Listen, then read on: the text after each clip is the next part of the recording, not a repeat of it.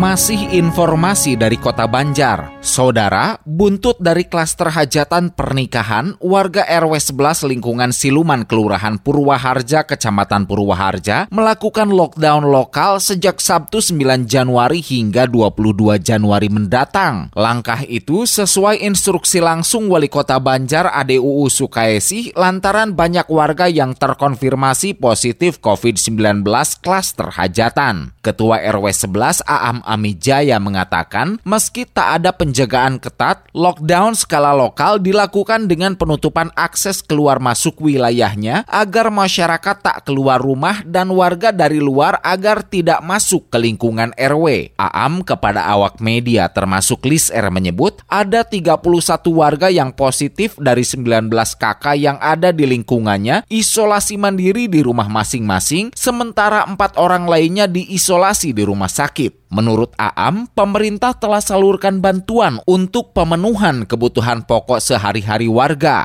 Isolasi lingkungan ini memang dampaknya terhadap pemenuhan kebutuhan sehari-hari warga. Kita mendapatkan bantuan baik dari pemerintah ataupun dari donatur-donatur dari luar. Kemarin kita sudah mendistribusikan terutama ke yang positif dan hampir seluruh warga yang terdampak. Karena meskipun kita mempunyai uang, tapi sangat sulit untuk bisa menggunakan seenaknya pada masa sekarang ini.